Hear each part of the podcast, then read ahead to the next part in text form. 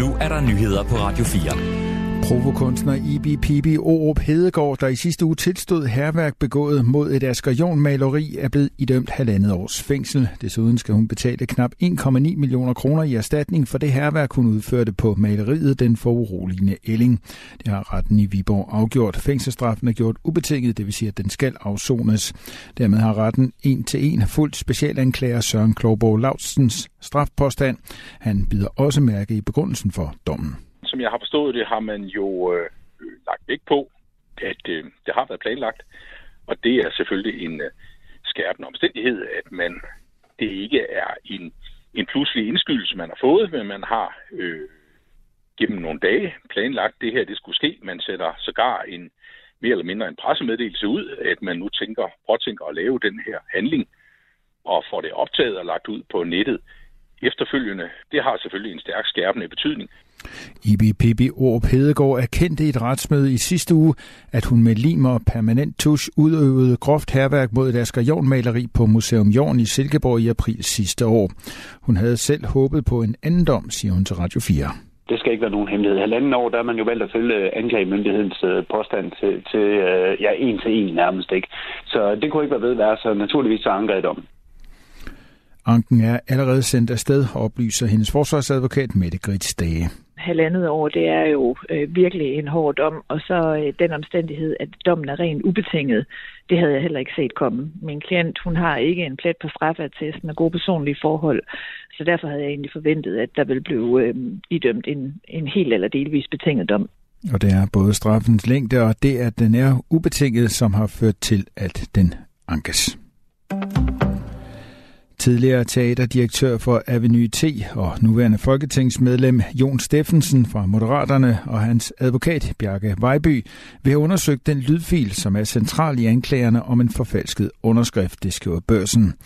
Formanden for Avenue T's bestyrelse Henning Dyrmose har udtalt, at Jon Steffensens fyring fra teatret blandt andet skyldtes, at han havde forfalsket et bestyrelsesmedlems underskrift. Det nægter Jon Steffensen. Han har derfor anlagt en injuriesag mod Henning Dyrmose. Det er i den forbindelse, at Jon Steffensen og hans advokat har krævet et såkaldt syn og skøn, hvor en ekspert skal besvare spørgsmål om lydfilen til brug i retssagen.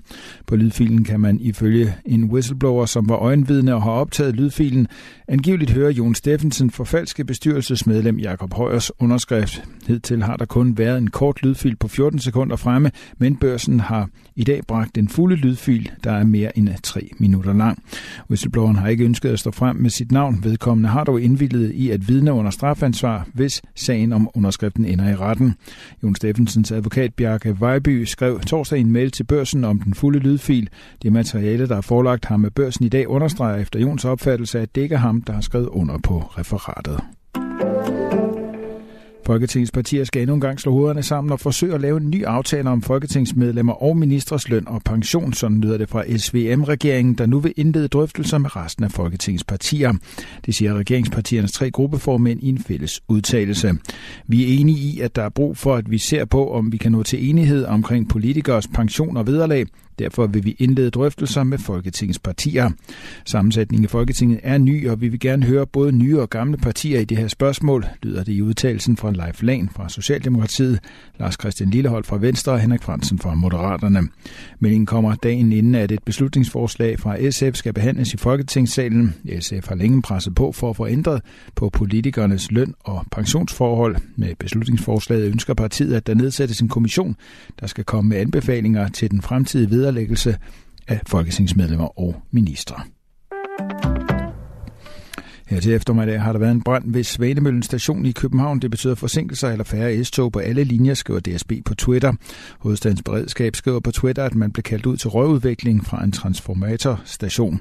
Omkring 14.30 forlod beredskabet dog stedet igen og overgav arbejdet til Bane Danmark. Det fremgår ikke af DSB's meddelelse, hvornår man forventer, at S-togslinjerne er tilbage i normal drift. Mest skyde med spredte regnbyer, men stedvis også lidt sol. Temperaturer mellem 7 og 11 grader.